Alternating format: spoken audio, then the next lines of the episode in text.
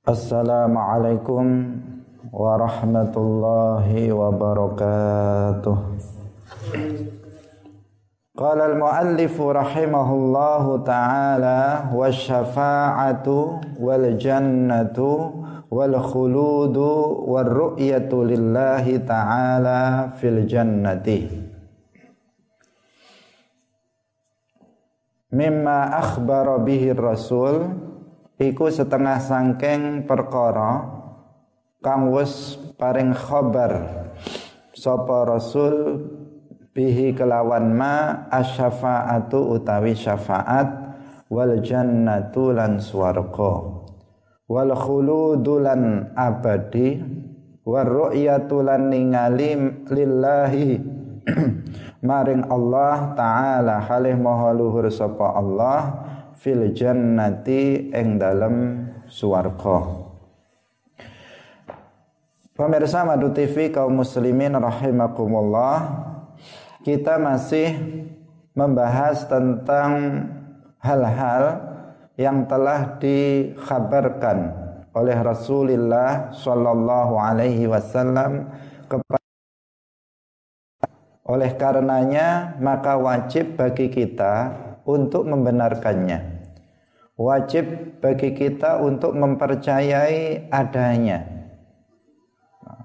Yaitu hal-hal yang nanti pada hari kiamat terjadi. Di antaranya adalah syafaat. Syafaat secara bahasa itu artinya talabul khairi minal ghairi lil ghairi meminta kebaikan dari orang lain untuk orang lain. Ini secara bahasa. Jadi meminta kebaikan kepada orang lain bukan untuk dirinya sendiri tetapi untuk orang lain. Itu yang disebut dengan syafaat secara bahasa. Misalnya si A, misalnya si A ini tidak memiliki uang. Dia pengen hutang kepada si B. Tetapi si A ini nggak berani hutang kepada si B karena si A ini tidak dipercaya oleh si B. Kemudian saya datang kepada si A mengatakan, nah, kemudian saya datang kepada si B mengatakan, nah, wahai si B, tolong hutangi si A uang. Nah, ini namanya syafaat secara bahasa. Di sini saya meminta kebaikan dari si B bukan untuk saya tetapi untuk si A. Jadi itulah makna syafaat secara bahasa. Jadi meminta kebaikan kepada orang lain untuk orang lain yang disebut syafaat. secara bahasa. Sedangkan secara istilah syafaat itu artinya bahwa syufa'a orang-orang yang memintakan syafaat apakah itu para nabi ataukah itu para malaikat ataukah para wali, para ulama, solihun nah, meminta kepada Allah kebaikan berupa digugurkannya azab dari umat Islam pelaku dosa besar. Nah, jadi di sini ada pertama pelaku dosa besar dari kalangan umat Islam. Kemudian Allah, kemudian pemberi syafaat. Pemberi syafaat meminta kepada Allah agar pelaku dosa besar ini itu digugurkan dari azab. Ini yang disebut dengan syafaat. Nah, kan apa? Pemberi syafaat minta kebaikan kepada Allah. Kebaikannya berupa apa? Yaitu digugurkannya azab. Untuk siapa? Untuk pelaku dosa besar dari umat Islam, bukan untuk dirinya.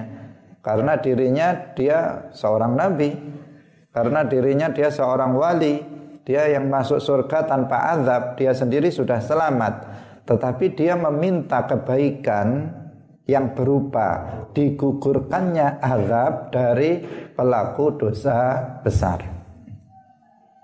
Pemirsa yang dirahmati oleh Allah Subhanahu wa taala, dengan demikian orang yang mendapatkan syafaat itu adalah orang Islam pelaku dosa besar.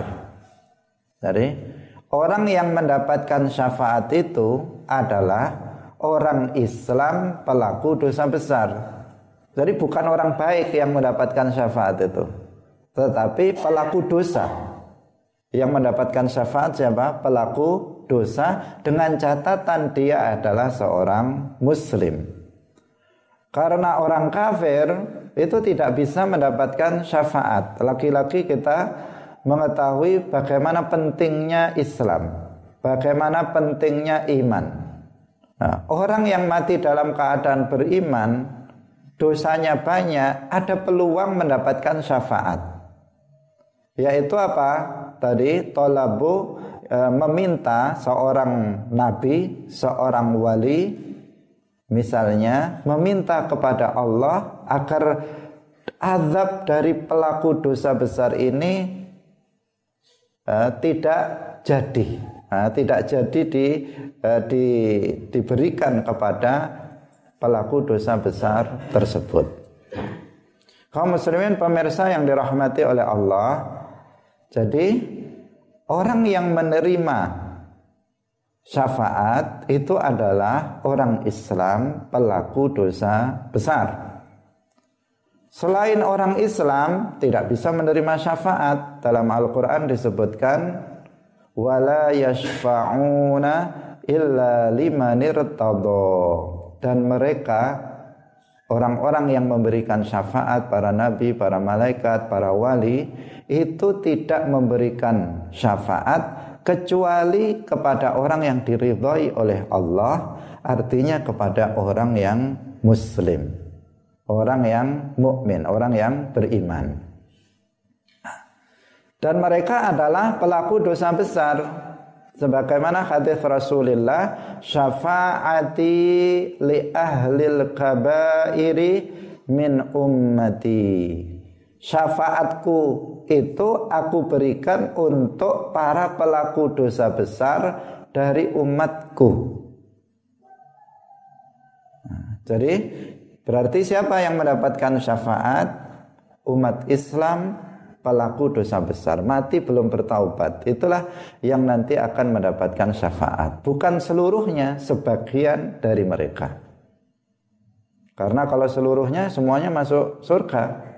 Nah, padahal ah, dalam Al-Quran sudah dijelaskan bahwa para pelaku dosa besar itu sebagian masuk surga langsung, sebagian tidak masuk surga secara langsung, tetapi dia masuk ke dalam neraka terlebih dahulu. Nah, kaum muslimin pemirsa yang dirahmati oleh Allah Subhanahu wa taala. Nah, syafaat ini ada kalanya diberikan sebelum pelaku dosa besar ini masuk ke dalam neraka ada kalanya syafaat ini diberikan setelah pelaku dosa besar ini masuk ke dalam neraka. Nah, syafaat yang diberikan sebelum penduduk neraka atau sebelum pelaku dosa besar dari umat Islam ini masuk neraka, berarti syafaat itu berfungsi untuk menggugurkan azab sama sekali. Jadi orang ini karena banyak dosanya, dia berhak untuk disiksa di neraka. Tetapi karena syafaat Nabi, dia nggak jadi masuk neraka. Dia nggak jadi sama sekali diazab di dalam neraka. Ini namanya syafaat yang diberikan sebelum pelaku dosa besar ini masuk ke dalam neraka. Yang kedua ada syafaat yang diberikan kepada pelaku dosa besar ini setelah dia masuk ke dalam neraka. Maka fungsinya syafaat ini adalah untuk meringankan azab dari yang dia terima.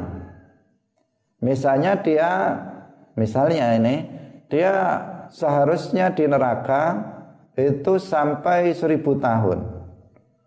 Tetapi karena mendapatkan syafaat dari Nabi, maka dia di sana cuma 500 tahun kemudian dikeluarkan dari neraka. Ini namanya juga syafaat yang diberikan setelah uh, seseorang masuk ke dalam neraka. Jadi syafaat itu ada dua macam begini, ada dua macam ini. Yang pertama diberikan sebelum masuk ke dalam neraka, yang kedua uh, diberikan setelah masuk ke neraka, tetapi uh, apa namanya belum dia uh, semestinya dia belum keluar tetapi kemudian karena syafaat dikeluarkan dari neraka. Uh, kaum muslimin pemirsa yang dirahmati oleh Allah Subhanahu wa taala, semoga kita termasuk yang pertama. Uh, artinya kita tidak masuk ke dalam neraka karena syafaat Rasulullah Shallallahu Alaihi Wasallam atau syafaat dari para wali atau syafaat dari para malaikat, eh, syafaat dari para ulama dan seterusnya. Pemirsa yang dirahmati oleh Allah Subhanahu wa taala yang bisa memberikan syafaat seperti yang tadi kita sebutkan, di antaranya adalah nabi atau seluruh para nabi. Nabi Muhammad juga seluruh para nabi. Nabi Muhammad sallallahu alaihi wasallam. Kemudian para malaikat juga bisa memberikan syafaat. Kemudian juga para wali itu juga memberi bisa memberi syafaat. Kemudian para ulama yang soleh itu juga bisa memberikan syafaat. Nah, itu di antara orang-orang yang memberikan syafaat karena mereka adalah orang-orang yang masuk surga tanpa azab. Mereka adalah orang-orang yang masuk surga tanpa azab sehingga mereka bisa memberikan syafaat kepada orang lain dari para pelaku dosa besar. Jadi mereka berdoa kepada Allah. Misalnya melihat si fulan nah, mestinya dia masuk ke dalam neraka karena dosanya sangat banyak. Kemudian Nabi berdoa kepada Allah, "Ya Allah, gugurkanlah azab dari si fulan. Kemudian Allah menggugurkan azabnya. Inilah yang disebut dengan apa? Syafaat. Biasa diartikan apa? Pertolongan. Nah, pertolongan. Pertolongan dari Nabi, pertolongan dari wali nah, dengan doa yang mereka panjatkan kepada Allah agar uh, seseorang itu dilepaskan dari azab neraka.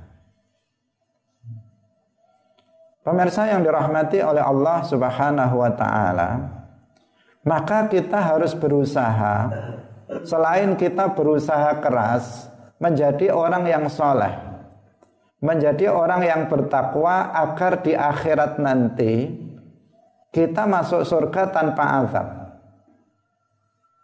Berusaha keras agar kita masuk surga tanpa azab. Itu itu yang harus kita lakukan. Tetapi di samping itu kita juga harus berusaha mendekat dengan Nabi, mendekat dengan para malaikat, mendekat kepada para wali, mendekat para kepada para ulama yang mengamalkan ilmunya agar kita nanti mendapatkan syafaat mereka manakala kita tidak termasuk orang-orang yang masuk surga tanpa azab. Manakala kita ternyata mati dalam keadaan masih sebagai pelaku dosa besar karena sulit untuk menjadi orang soleh dengan sebenar-benarnya itu sangat sulit. Mungkin amalan secara zahir, kewajiban zahir banyak kita lakukan. Sholat lima waktu kita tepat. Puasa Ramadan kita lakukan. Uh, ke, uh, kemudian zakat mungkin kita keluarkan uh, dan seterusnya kebaikan kewajiban kewajiban zahir kita lakukan tetapi apakah hati kita sudah bisa istiqomah dalam ikhlas dalam beramal Apakah hati kita sudah ridha dengan takdir Allah, muraqabah? Apakah hati kita sudah tawadhu, tidak ada kiber? Apakah hati kita sudah terlepas dari hasad? Nah, karena kalau hal-hal itu itu belum, maka belum disebut seseorang sebagai orang saleh. Seseorang rajin beribadah yang wajib secara zahir dilakukan, kemudian yang haram secara zahir ditinggalkan, tetapi dalam hatinya masih ada ria, dalam hatinya masih ada ujub, dalam hatinya masih ada hasad, dalam hatinya masih ada apa kiber, maka orang tersebut masih sebagai pelaku dosa besar. Jika dia mati dalam keadaan seperti itu, maka dia terancam masuk ke dalam neraka.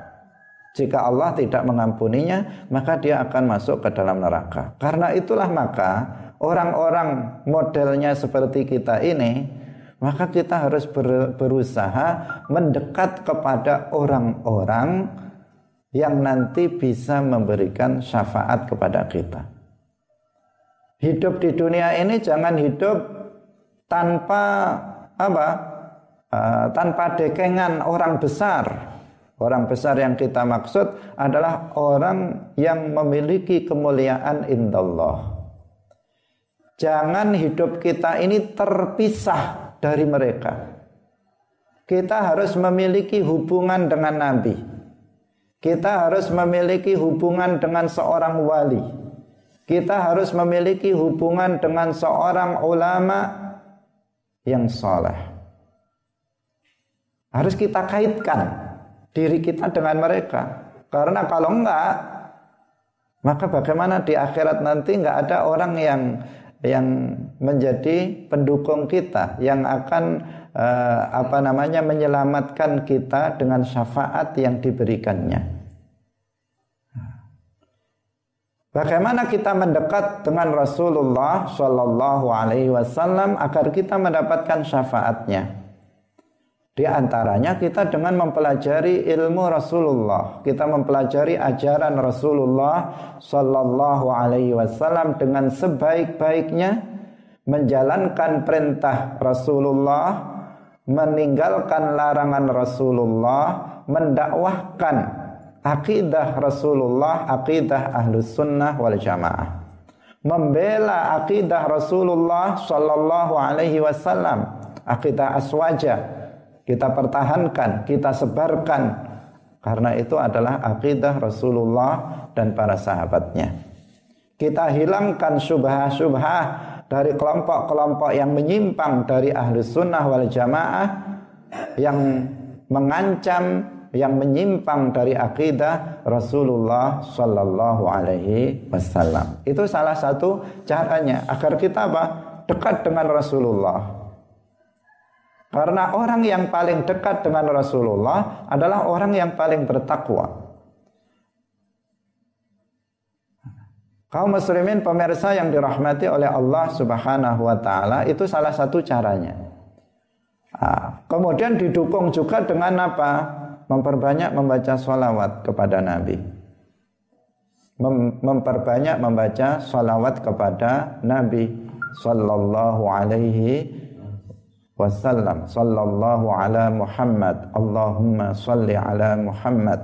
Nah, membaca salawat dengan berbagai macam bentuk salawat diperbanyak membaca salawat kepada beliau.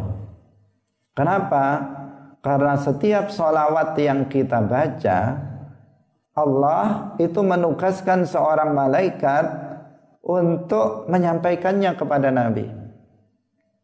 Maka ketika kita mengatakan Allahumma salli ala sayyidina Muhammad satu kali ada malaikat yang datang kepada Nabi misalnya wahai Rasulullah si fulan membaca salawat dan salam kepadamu nama kita disebut di hadapan Nabi kita baca salawat lagi nama kita disebut lagi di hadapan Nabi semakin sering nama kita disebut di hadapan Nabi Artinya Nabi akan mengenal kita nanti di akhirat.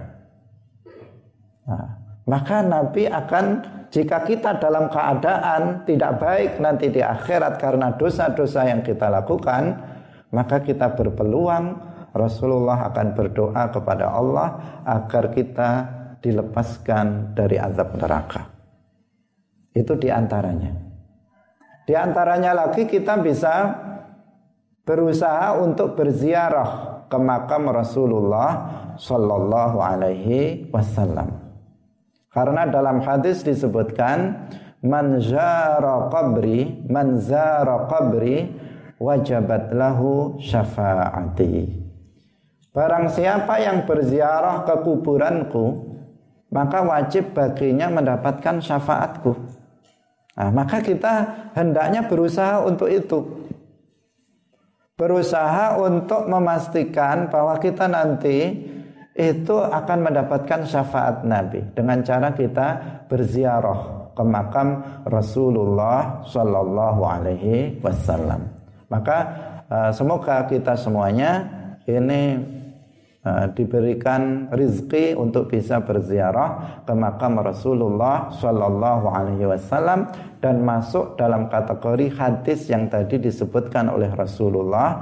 Barang siapa yang berziarah ke makamku maka dia akan mendapatkan syafaat.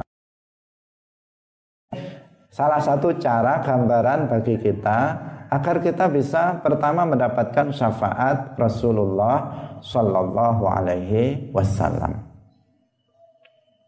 Kemudian kita juga harus mendekatkan diri dengan para wali kita harus memiliki hubungan dengan wali.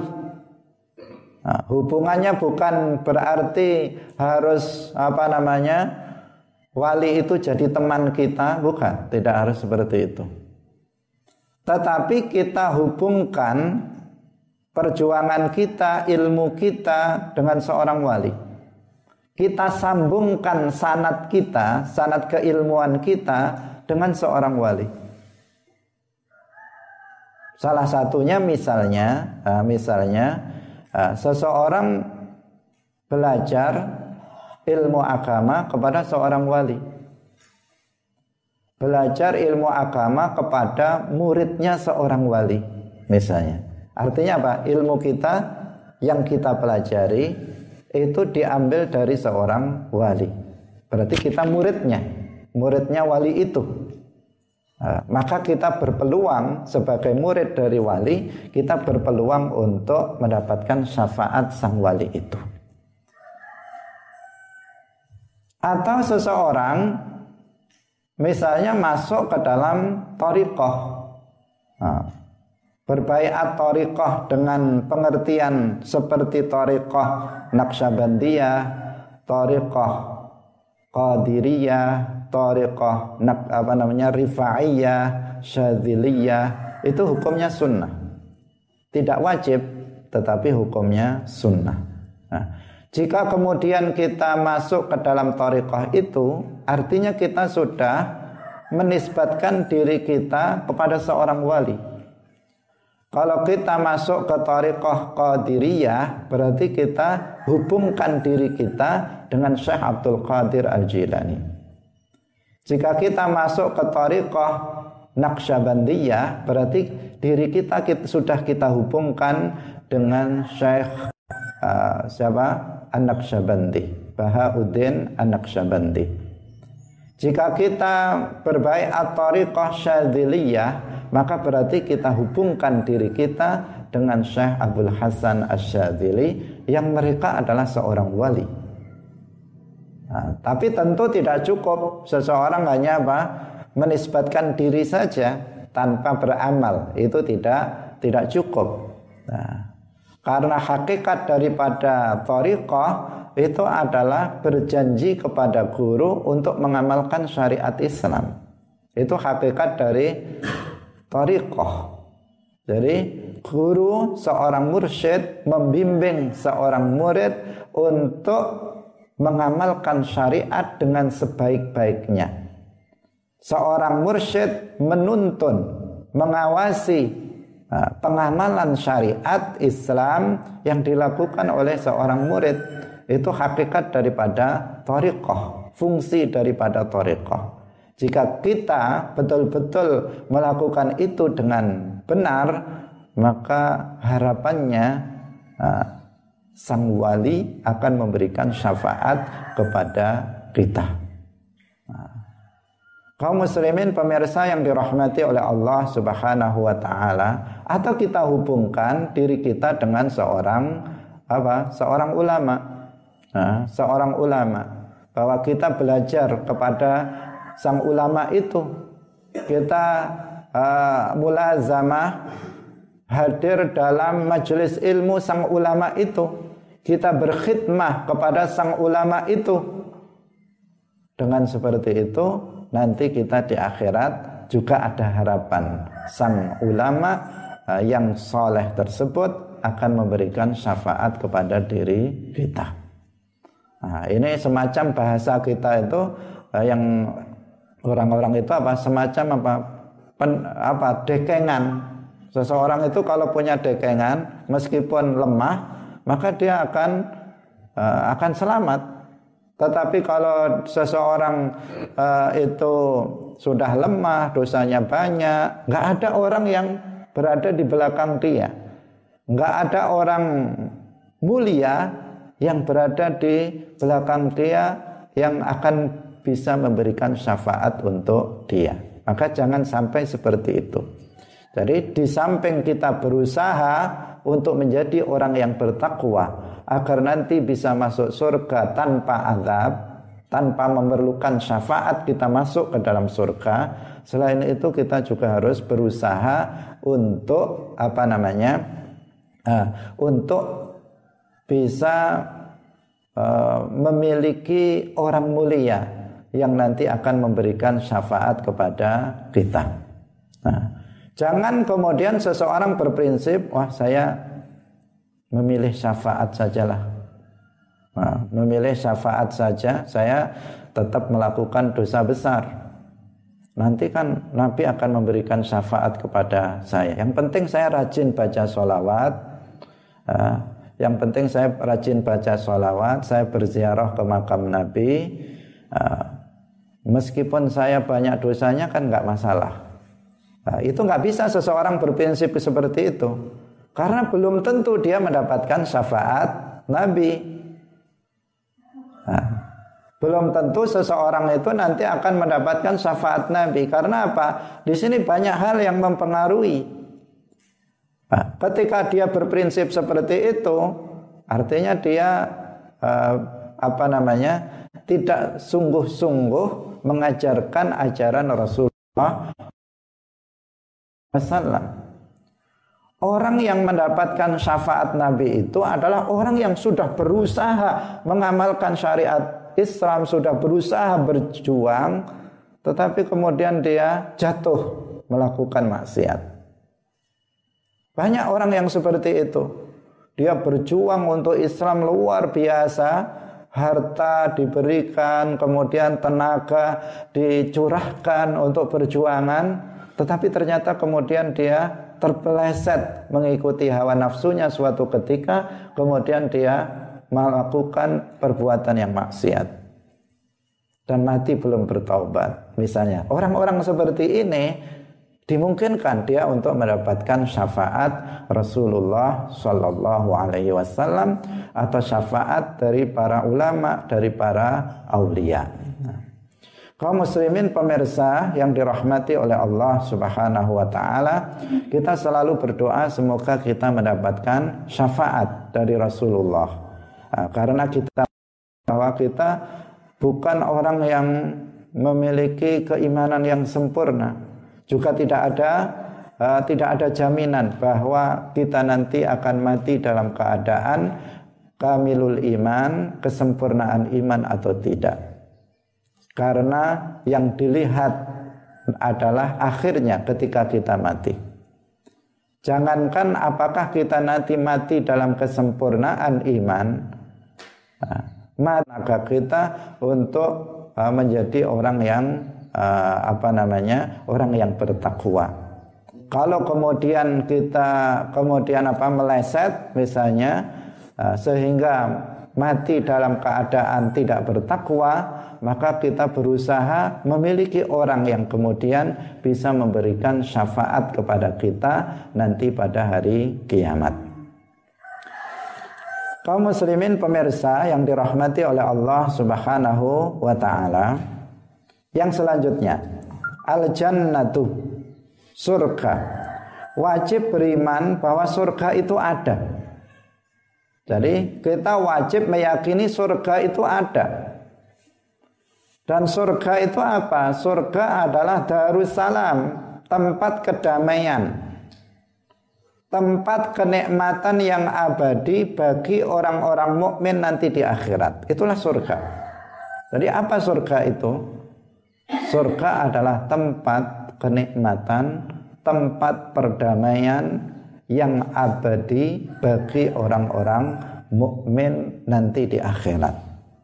Itu surga. Al-jannah. Bukan surga itu di dunia, Surga yang apa namanya? Surga yang dijanjikan yang abadi itu adalah surga yang di akhirat nanti. Dan ini yang kita maksud uh, saat ini, yang wajib kita yakin hanya. Dan surga ini sekarang sudah tercipta sebagaimana telah kita terangkan kemarin. Neraka sudah diciptakan oleh Allah, surga juga sudah diciptakan oleh Allah. Kalau neraka itu tempatnya ada di bawah bumi ketujuh tanpa menempel dengan bumi ketujuh, surga itu letaknya ada di atas langit ketujuh tanpa menempel dengan langit ketujuh. Jadi eh, Allah menciptakan langit itu tujuh buah, bukan tujuh lapis, tetapi tujuh buah antara langit satu dengan langit yang lain itu jaraknya perjalanan 500 tahun. Nah, dari langit ke langit. Nah, surga itu letaknya di atas langit ketujuh, tidak menempel dengan dengan apa namanya uh, langit yang ketujuh di atasnya.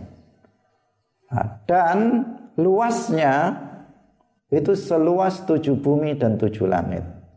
Itu luasnya surga. Artinya surga itu sangat luas. Luasnya surga jauh lebih luas dibandingkan dengan neraka. Itu semuanya menunjukkan luasnya rahmat Allah Subhanahu wa taala. Bahwa surga itu lebih luas daripada neraka. Nah, letaknya ada di atas langit ketujuh dan sebagian dari aras itu menjadi atapnya surga. Jadi aras itu adalah makhluk Allah yang paling besar. Letaknya ada di atas langit ketujuh, al-arsyu.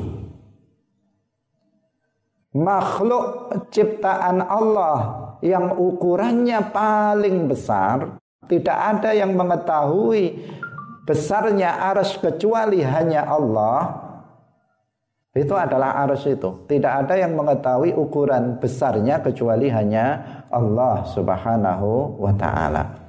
Bagian dari arus ini itu menjadi atapnya surga.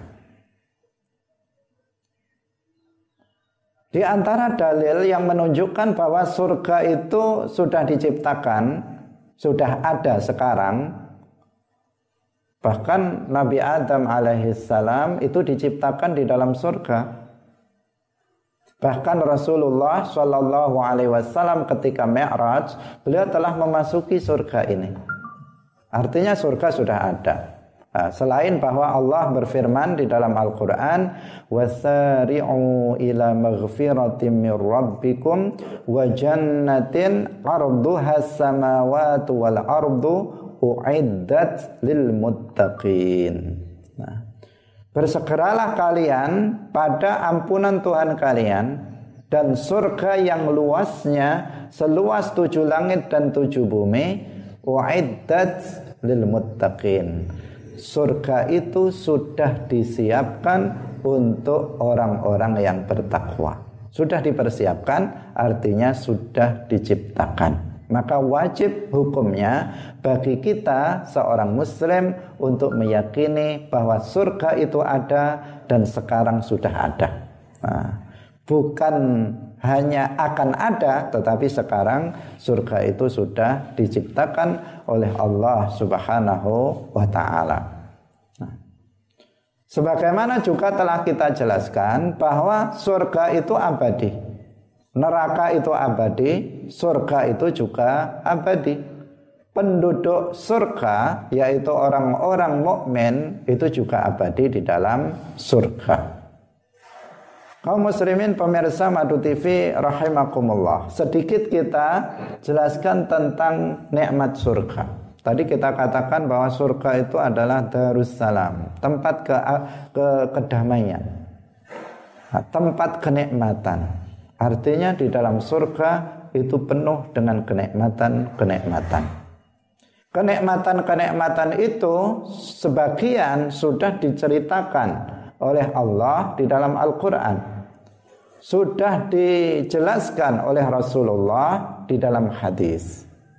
Artinya ada nikmat-nikmat surga itu yang bisa kita ketahui sudah bisa kita ketahui sehingga para ulama menjelaskan bahwa nikmat surga itu terbagi menjadi dua yang pertama nikmat surga umum nikmat umum nikmat umum itu artinya diberikan kepada seluruh penduduk surga kita tahu penduduk surga itu siapa? Orang yang beriman. Dan orang yang beriman itu ada kalanya bertakwa, ada kalanya tidak bertakwa. Bagi yang bertakwa tadi masuk surga. Bagi yang tidak bertakwa, ada yang masuk surga langsung karena mendapatkan ampunan dari Allah atau masuk surga langsung karena mendapatkan syafaat. Ada yang masuk neraka dulu tapi kemudian masuk surga. Nah, ini kan berarti apa?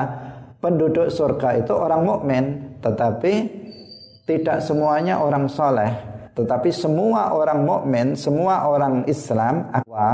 Baik yang masuk surganya langsung, baik yang masuk surganya karena syafaat, baik orang yang masuk surganya setelah masuk neraka terlebih dahulu, semuanya mendapatkan nikmat ini. Itu yang disebut dengan nikmat umum. Contohnya apa? Yaitu seperti hidup tidak mati. Hayaun la maut, Ma, hidup tidak mati. Semua penduduk surga mendapatkannya. Semuanya hidup tidak akan pernah mati.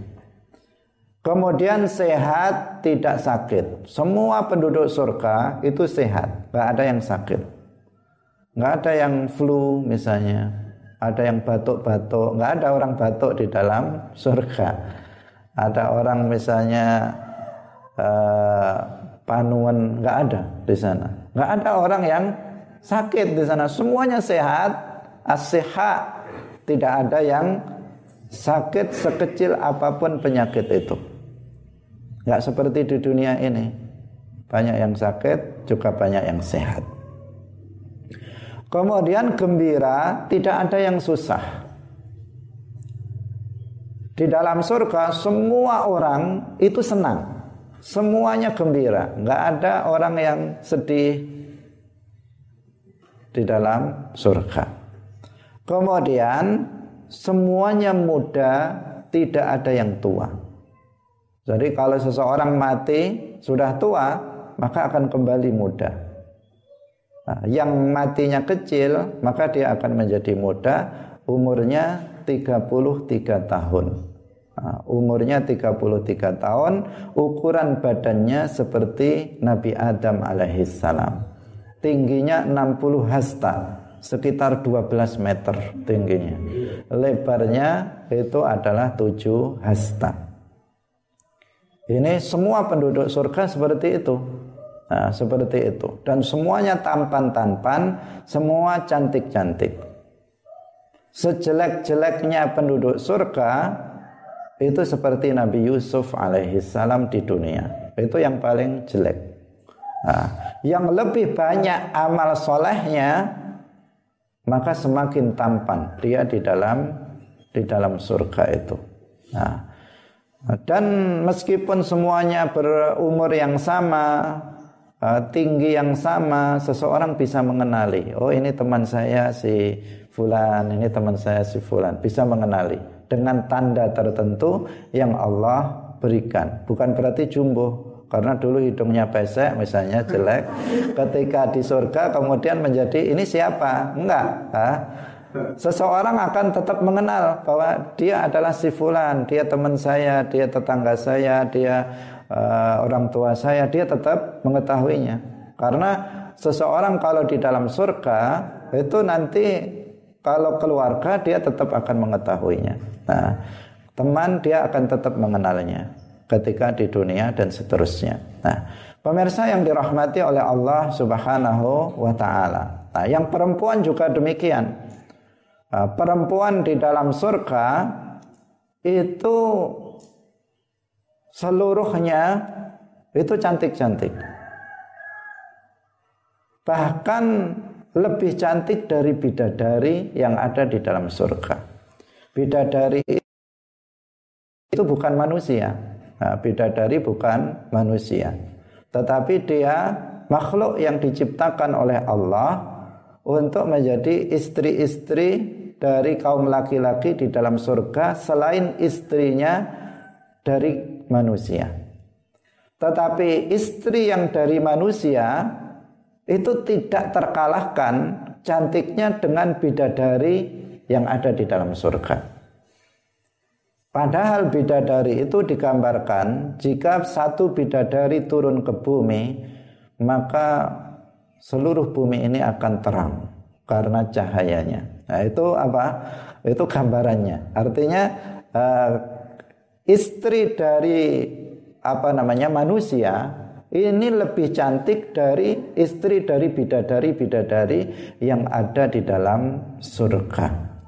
Nah, dan seseorang tetap berkeluarga jika suami itu muslim, istri muslim, maka suami istri itu akan masuk ke dalam surga dan tetap sebagai seorang suami dan istri.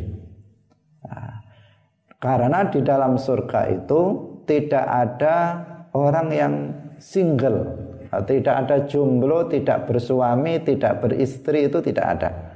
Semuanya berpasangan, bersuami istri. Nah, semuanya seperti itu. Dalam hadis disebutkan mafil jannati azab. Tidak ada uh, orang yang single di dalam surga tidak bersuami, tidak beristri itu tidak ada. Sehingga para ulama mengatakan satu-satunya syariat Islam yang tetap akan berlaku nanti di akhirat itu adalah syariat nikah. Nah, sholat nggak disyariatkan lagi, puasa tidak disyariatkan lagi, tapi ada syariat nikah nanti di dalam surga. Orang-orang yang mati belum menikah akan dinikahkan oleh Allah Subhanahu wa taala nanti di uh, di dalam surga. Nah, artinya dia akan menikah di dalam surga. Nah, karena itu tidak perlu khawatir nah, seseorang yang misalnya santri belajar ilmu agama, misalnya khawatir nanti uh, keburu mati belum menikah. Nah, tidak perlu khawatir nanti di akhirat dia akan tetap menikah. Semua karena penduduk surga semuanya beristri dan semuanya bersuami. Nah, jika suaminya itu kafir, ternyata suaminya masuk neraka maka orang ini akan dinikahkan si perempuan ini misalnya dia akan dinikahkan dengan yang lain. Jika misalnya suami masuk surga ternyata istrinya kafir, maka si laki-laki ini akan dinikahkan dengan istri yang penduduk surga.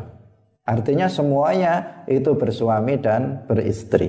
Jika sama-sama mukmin, suami istri itu sama-sama beriman, maka dia akan masuk surga bersama se tetap sebagai suami istri. Nah, jika misalnya suaminya itu dua, nah, suaminya itu dua, yang pertama, uh, yang pertama meninggal atau bercerai, kemudian dia menikah lagi, maka dia akan bersama dengan suami yang kedua. Tetapi jika seorang istri itu ditinggal mati oleh suaminya, kemudian dia bersabar tidak menikah sampai akhir hidupnya, maka dia tetap bersama dengan suami yang tadi sudah meninggal dunia duluan. Nah, ini uh, tentang nikmat surga bahwa uh, salah satu nikmatnya di dalam surga itu uh, semuanya berpasangan uh, suami istri.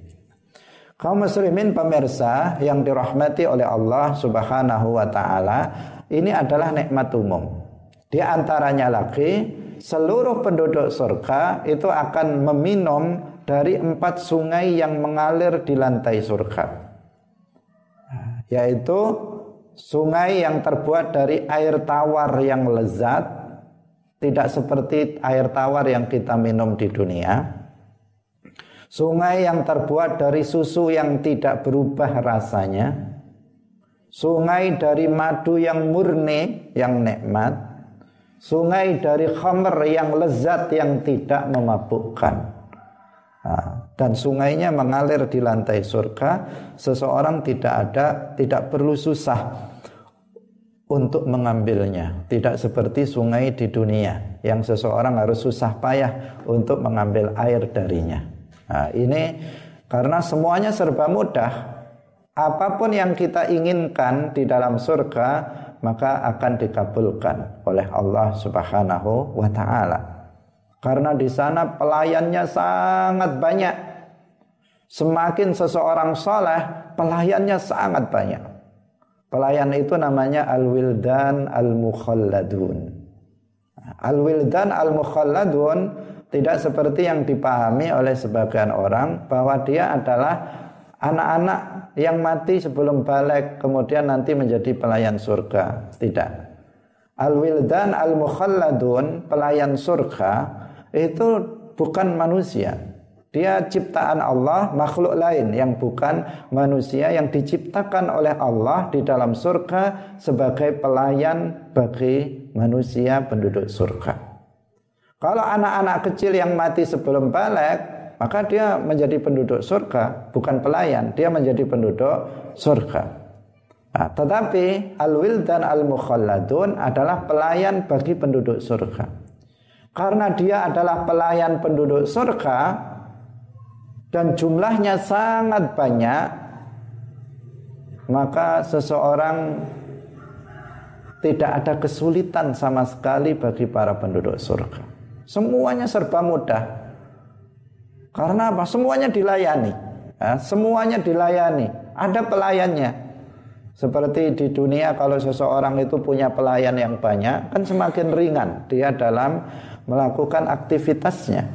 Nah, demikian juga di sana ada ribuan dari pelayan-pelayan surga yang siap melayani penduduk surga di dalamnya. Kalau seseorang menginginkan buah apa saja, maka buah itu akan datang. Dari pohonnya dia akan datang. Bukan kita yang harus memanjatnya, bukan kita yang harus menyinggaknya. Enggak, enggak perlu susah payah seperti itu. Buahnya akan datang di hadapan kita. Kita ambil dari pohonnya, kemudian buah itu akan kembali lagi seperti sedia kala. Kalau kita ada burung lewat, kemudian kita mengatakan saya ingin makan daging burung itu, maka akan tersedia di hadapan kita. Dan seterusnya. Artinya apa? Artinya tempat kenikmatan. Tidak ada yang tidak enak di dalam surga. Nikmat semuanya setiap detik itu seseorang itu mendapatkan kenikmatan dari Allah Subhanahu wa taala. Nah, ada kasur-kasur yang tinggi-tinggi yang bisa terbang. Seandainya seseorang di dalam Al-Quran disebutkan sururum marfu'ah. Nah, jadi jika seseorang ingin berkunjung, saya ingin berkunjung kepada teman saya, maka dengan kasur ini bisa terbang dan berada di hadapan temannya. Tidak harus susah payah jalan kaki dan sebagainya.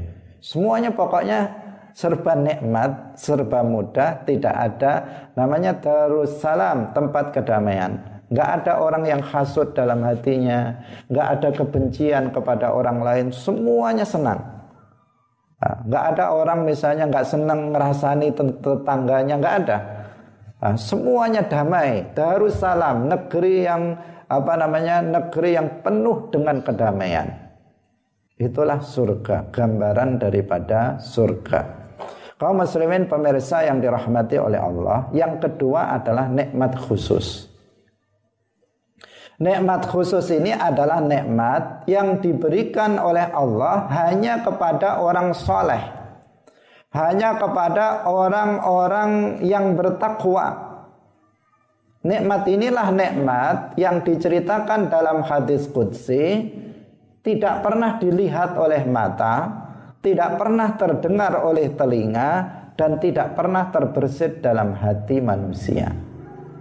Nah, Allah Subhanahu wa taala berfirman dalam hadis qudsi, "A'dadtu li'ibadiyas salihin ma la 'ainun ra'at wa la udhunun sami'at wa la khatara 'ala qalbi basharin." Aku telah persiapkan Allah telah mempersiapkan untuk hamba-hambaku yang soleh. Berarti khusus untuk orang yang soleh. Yang bertakwa yang menjalankan kewajiban dan meninggalkan yang diharamkan yang dia masuk surga tanpa azab orang yang bertakwa. Nah, telah aku siapkan nikmat yang belum pernah dilihat oleh mata. Belum pernah didengar oleh telinga dan belum pernah terdetik dalam hati manusia. Nikmat apa itu? Hanya Allah yang mengetahuinya. Rasulullah Shallallahu Alaihi Wasallam sendiri beliau tidak mengetahui apa nikmat yang akan diberikan khusus untuk orang yang bertakwa.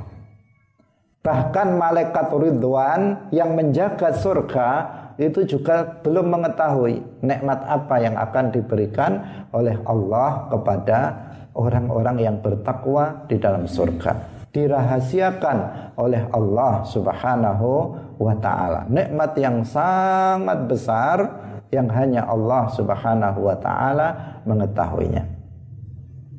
Jadi kenikmatan surga itu ada yang bisa dibayangkan, ada yang tidak bisa dibayangkan. Karena sebagian orang karena hadis ini kemudian dia menafikan ayat dan hadis yang lain dengan mengatakan nikmat surga itu nggak bisa dibayangkan secara mutlak. Tidak, nikmat surga ada dua. Ada yang bisa dibayangkan. Kenapa? Karena sudah digambarkan dalam Al-Quran. Kalau kita membaca surat Ar-Rahman, surat Al-Waqi'ah, dan beberapa surat lainnya, itu menceritakan surga, kenikmatan-kenikmatan surga. Ada dalam hadis itu diceritakan hadis yang panjang diceritakan nikmat-nikmat surga. Artinya apa? Sebagian nikmat surga bisa kita bayangkan. Nah, sehingga seseorang termotivasi untuk beramal soleh dan mendapatkan surga yang artinya juga mendapatkan ridho dari Allah Subhanahu wa taala. Nah, tapi ada nikmat lain yang ini khusus diberikan kepada orang soleh saja orang yang mati dalam kesempurnaan iman, dalam ketakwaan, yaitu nikmat yang nggak bisa dibayangkan, nggak bisa karena belum pernah terlihat oleh mata, nggak pernah terdengar telinga dan tidak pernah terbersit dalam hati manusia sehingga manusia tidak bisa menggambarkan nikmat tersebut saking uh, besarnya nikmat tersebut. Kaum muslimin rahimakumullah Nah, sampai di sini pengajian kita pada pagi hari ini. Semoga kita mendapatkan syafaat Rasulullah para aulia Allah nanti pada hari kiamat dan kita dimasukkan ke dalam surga Allah Subhanahu wa taala. Amin ya rabbal alamin. Barakallahu fikum wallahu muwaffiq ila aqwamit thoriq. Assalamualaikum warahmatullahi wabarakatuh.